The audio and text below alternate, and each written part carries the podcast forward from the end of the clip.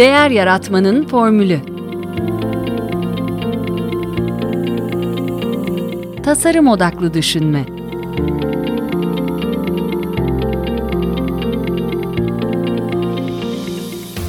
Merhaba, ben Mete Yurtsever. Değer Yaratmanın Formülü Podcast'inin ev sahibiyim.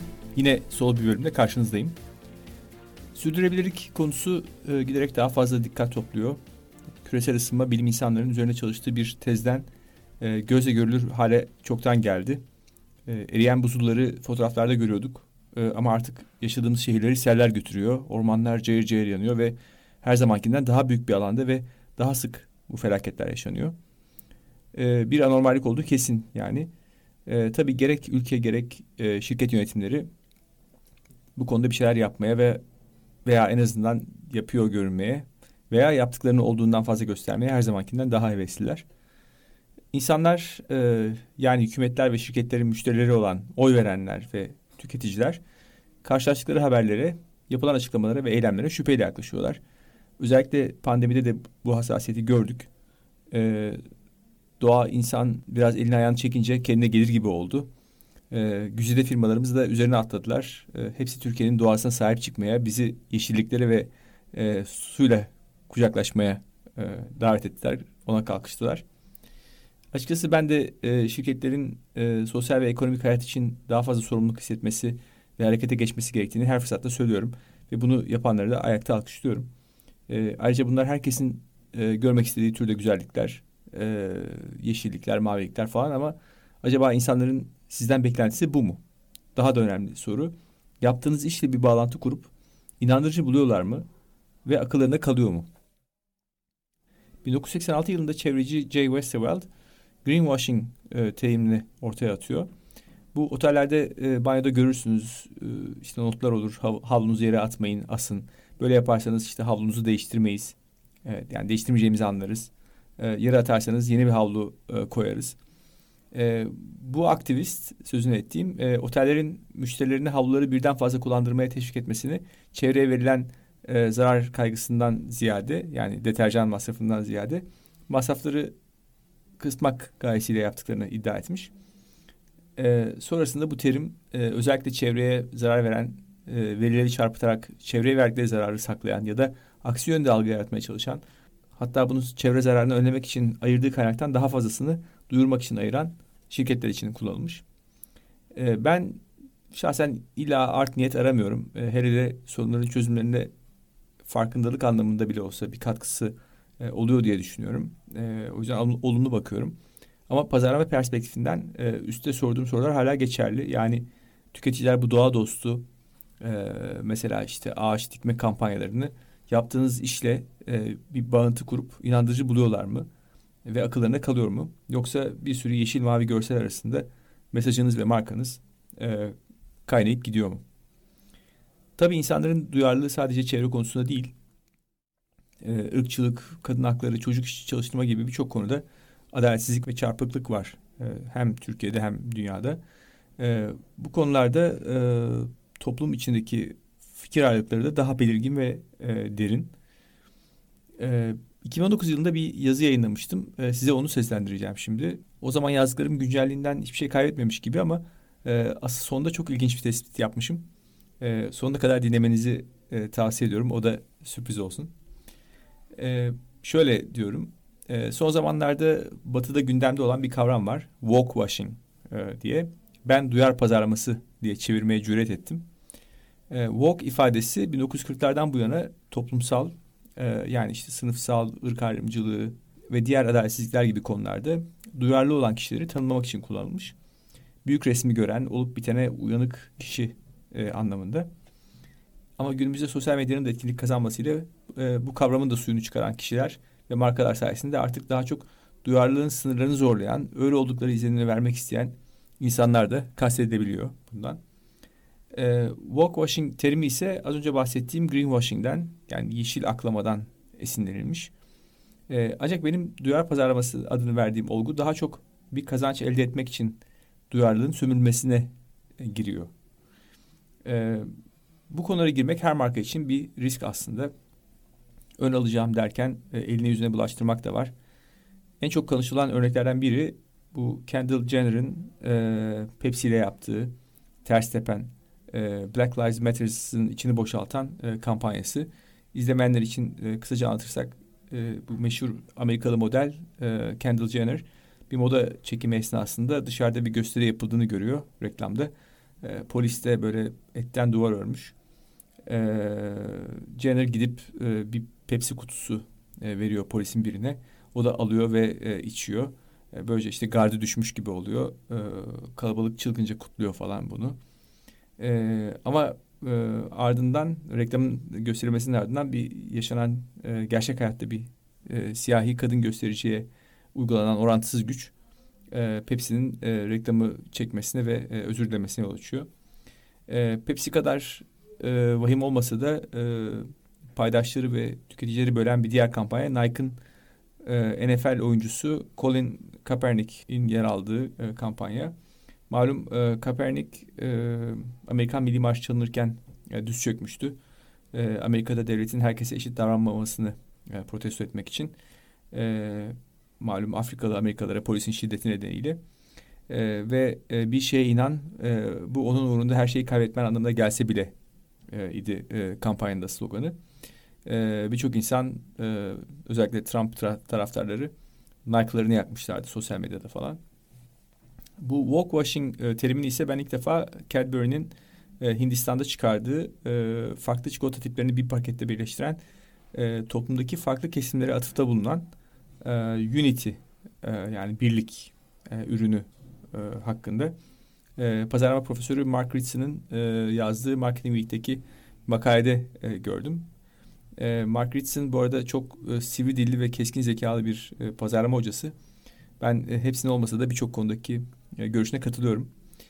E, bu Unity e, adlı ürün de e, dört tip çikolatayı işte çok koyu, koyu, sütlü ve beyaz çikolatayı bir tek bir tablette e, bir araya getiriyor. Hiç arada bir yani bir şey yok. E, tek parça halinde. E, ama yani insanların derilerinin rengiyle çikolataya bir gönderme yapan bir ürün. E, yani biraz kaş yaparken göz çıkarmak gibi olmuş bence. E, neyse özetle e, Mark Ritson e, Cadbury'nin e, 185 milyon pound kar açıklayıp tamamen yasal bir şekilde olmasına rağmen bir kuruş bile vergi ödememesine dikkat çekip e, toplumsal konulara bu kadar duyarlıysanız verginizi ödeyin de topluma yaptığınız katkıyla gurur duyun. Ya da yine yapabiliyorsanız verginizi sıfıra çekin ama e, bu konularda da söyle çekmeyi bize bırakın çünkü biz vergimizi ödüyoruz diyor. Tokat gibi bir cevap vermiş yani. E, ve Ritzen'in gösterdiği tepki e, geçtiğimiz haftalarda benim de e, paylaşımlar yaptığım bu sosyal medyadaki linç ve iptal kültürüne aslında dayanıyor. E, insanlar cezayı kesmeye hazırlar size. E, benim bu konularda e, bu konulara el atmaya niyetli markalara birkaç tavsiyem olacak. E, bu noktalara dikkat ederlerse sanırım lince uğramayı ve Dimyat'a pirince giderken evdeki bulgurdan olmanın önüne geçebilirler.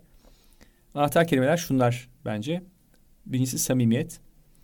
Markanın gerçek yaşam öyküsü, markanın varoluş şekli, nedeni, amacı ne? Marka yepyeni bir marka da olabilir ama onun kurucusunun derdine. Ee, peki siz neden bu konuyu el atıyorsunuz? Aklıma gelen en iyi örnek e, Hamdi Ulukaya'nın Çobanisi. Marka ismini veren felsefe karşılıksız iyilik yapmak. E, bu çam sakızı çoban armağanı e, üzerine kurulu. E, ve Ulukaya'nın e, ürünün rafa çıktığı ilk gün daha kurduğu ve karın yüzde onunu aktardığı e, Shepherd's Gift Çoban Armağanı diye bir e, fonu var. E, topluma yardımda bulunan. E, Türkiye'de de e, üç yıldır e, pozitif bir ayrımcılıkla her kesimden genç girişimcileri ellerinden tutup New York'a e, götürdüğü, e, yetiştirdiği bir e, programı da var. Yine hepimizin bildiği gibi 2016 yılında şirketin 2000 çalışanını bu bizim ortak başarımız diyerek şirketin yüzde onuna ortak etmesi var.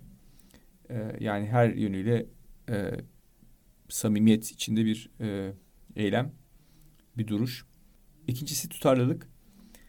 Hem zaman boyutunda hem de yapılanlarla söylenenler arasında bir tutarlılıktan bahsediyorum. E, geçmişte söylediklerinizle ne kadar tutarlı şimdi bu söylediğiniz. Daha da önemlisi şirketinizin kültürüyle uyumlu mu? E, insanlar söylediklerinize değil, yaptıklarınıza bakar. E, halkımızın ve tabii tüm insanların da e, bu hasletinden hareketle sigorta mahiyetinde bir özlü sözümüz var. doktorun dediğini yap, yaptığını yapma diye. Üçüncüsü hassasiyet. E, mesaja, metne dikkat. Akım derken bozum dememek önemli. E, yani niyetiniz önemli ama ne söylediğiniz kadar nasıl söylediğiniz de önemli tabii. E, dördüncüsü hesaplılık. Hesabınızı iyi yapın. Söyleminiz mevcut tüketici profilinize ne kadar uygun. Nike e, o pozisyonu e, ve Trump'ı tabii karşısına alırken tüketicilerinin e, üçte ikisinin liberal görüşleri olan 35 yaş altı gençler olduğunu ve Afrika kökenli gençler arasında çok popüler olduğunu biliyordu. E, dolayısıyla yine e, siz dediğim yatağa pirince giderken evdeki bulgurdan olmayın. E, hazırlıklı olmak konusu e, odada yaptığınız cesaret gerektiren bir iş. Bu takdir edilesi bir durum. E, ama tepkilere de hazırlıklı olun. Bir kriz planı yapın. Kim ne diyecek, e, nasıl savunacak ve nasıl arkasında duracak e, şirket e, nezdinde. Bunları e, hesaba katmakta fayda var. E, bütün mesele aslında gelip e, kapitalizmin insaniyet ile imtihanına geliyor. Şirketler para kazanmak için her değeri harcamaya devam mı edecekler? Yoksa toplum için gerçekten değer yaratıp sürdürülebilir olacaklarını ve e, sürdürülebilir bir sisteme katkıda bulunacaklarını e, anlayacaklar. Şimdi bu başta bahsettiğim ilginç tespite geldik. E, 2 Eylül 2019 tarihli bir tweet paylaşmıştım yazının sonunda. Serdar Kuzuloğlu üstada aitti bu e, tweet. E, demiş ki e, büyük bir kötülük, nefret, hoyratlık, cehalet ve umursamazlık dalgası dünya çapında yayılıyor. Hepsi insana has fakat hiçbiri insana yakışır türden değil. İbreyi diğer yana savuracak o büyük kırılım ne olacak çok merak ediyorum. Parantez içinde tarihteki örnekler savaş, soykırım ve devrim demiş.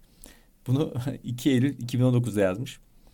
Ee, ben de eklemişim. Açıkçası şirketler için aynı sorunun cevabını bekliyorum. O kırılım ne ve ne zaman olacak da anlayacaklar e, diye. E, ne enteresandır yani savaş, soykırım, devrim demiş. Bir tek pandemiyi saymamış. Pandemi e, öyle büyük bir kırılım e, yaşatmadı belki ama bence e, faydaki gerginliği arttırdı kesin bence. E, hepimiz e, dünyaya, işimize, e, kendimize e, biraz daha farklı gözlerle bakmaya başladık. Aslında o yazıda ele almadığım bir konu daha var. E, duyar pazarlaması kapsamına e, alabileceğimiz. E, o da özel günler. Yani onlar da çevresel, evrensel duyarlılıklar değil ama e, bizde bazı kesimlerin işte gönül telini titreten olaylar var. E, örneğin milli bayramlar. E, burada bir risk almak yok. E, hatta o konularda konuşmamak risk almak sayılabiliyor. E, zaten korkarım birçok firmada o yüzden bir çaba içine giriyor. Ki bu da düşününce çok saçma. E, ama yine e, bir duyarlılığı pazarlamaya koşmak var diye düşünüyorum. Bir 10 Kasım'da şunu yazmıştım. Atatürk'ü kendine her alanda rehber edilmiş bir babanın Atatürk hakkında okumaktan, öğrenmekten bıkmayan oğluyum. Ancak son zamanlarda olmazsa olmaz Atatürklü reklam filmleri beni fena halde düşündürüyor.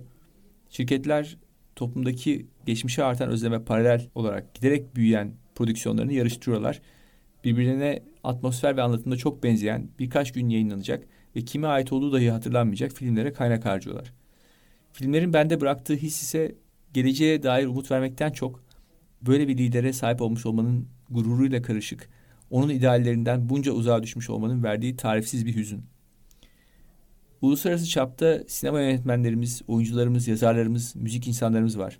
Firmalar bütün bu 10 Kasım, 29 Ekim, 23 Nisan, 19 Mayıs, 18 Mart, 30 Ağustos prodüksiyonlarına ayırdıkları kaynakları birleştirip böyle bir ekibe milli mücadele ve cumhuriyetin devir filmleri üretmeleri için veremezler mi? Geçmişte onca yeni doğan millete esin kaynağı olmuş bir ülke geleceğimize yol gösterecek hikayelerini yeniden anlatılmasını sağlayamaz mı? Buradan Netflix'e de çağrıda bulunuyorum duy sesimizi diye. Ee, bütün Anadolu beylikleri ve Osmanlı'dan sonra sıra e, Cumhuriyet'e gelemedi mi? Başımıza ne geliyorsa e, maddi ve ilmi birikim olan kişi ve kurumların birlikte hareket edememesinden kaynaklanıyor e, demişim. E, burada birlikte hareket etmemeyi eleştiren bir vurgu var ama yine milli hassasiyetten kendine bir fayda devşirmeye dönük bir çaba görüyorum. E, kim ülkesini daha çok seviyoru e, yarıştırmak yerine yeni nesillere başarılan işi en ilham verici şekilde anlatmakta e, birleşebiliriz. Ya da o değerleri yaşatan işlere e, ağırlık ve destek verebiliriz. Yani yine dönüp dolaşıp samimiyetle, tutarlılıkla gerçek bir değer yaratmaya geliyoruz. Bu podcast'te tasarım odaklı düşünme çerçevesinde hem yurt içinden hem yurt dışından kimi zaman davranış psikolojisi üzerine bir akademisyeni, kimi zaman bir tasarımcıyı, kimi zaman bir iş insanını, kimi zaman da değişim veya inovasyon üzerinde firmalara destek veren bir danışmanı ağırlıyorum. Amacım Türkiye'de bu konulara farkındalık oluşturmak. Buraya kadar dinlediğinize göre sizin de bu konulara ilgi duyduğunuzu anlıyorum. Sizden ricam güzel bir esnaf geleneğini devam ettirelim. Bu podcast'ten memnuniyetinizi arkadaşlarınıza, eleştiri ve önerilerinizi benimle paylaşmanızı istiyorum. Sanıyorum bunu en kolay LinkedIn üzerinden yapabilirsiniz. Beni ve Değer Yaratmanın Formülü sayfasını bağlantılarınıza eklerseniz çok memnun olurum. Desteğiniz için çok teşekkür ederim. Tekrar görüşünceye dek sağlıkla kalın, hoşçakalın.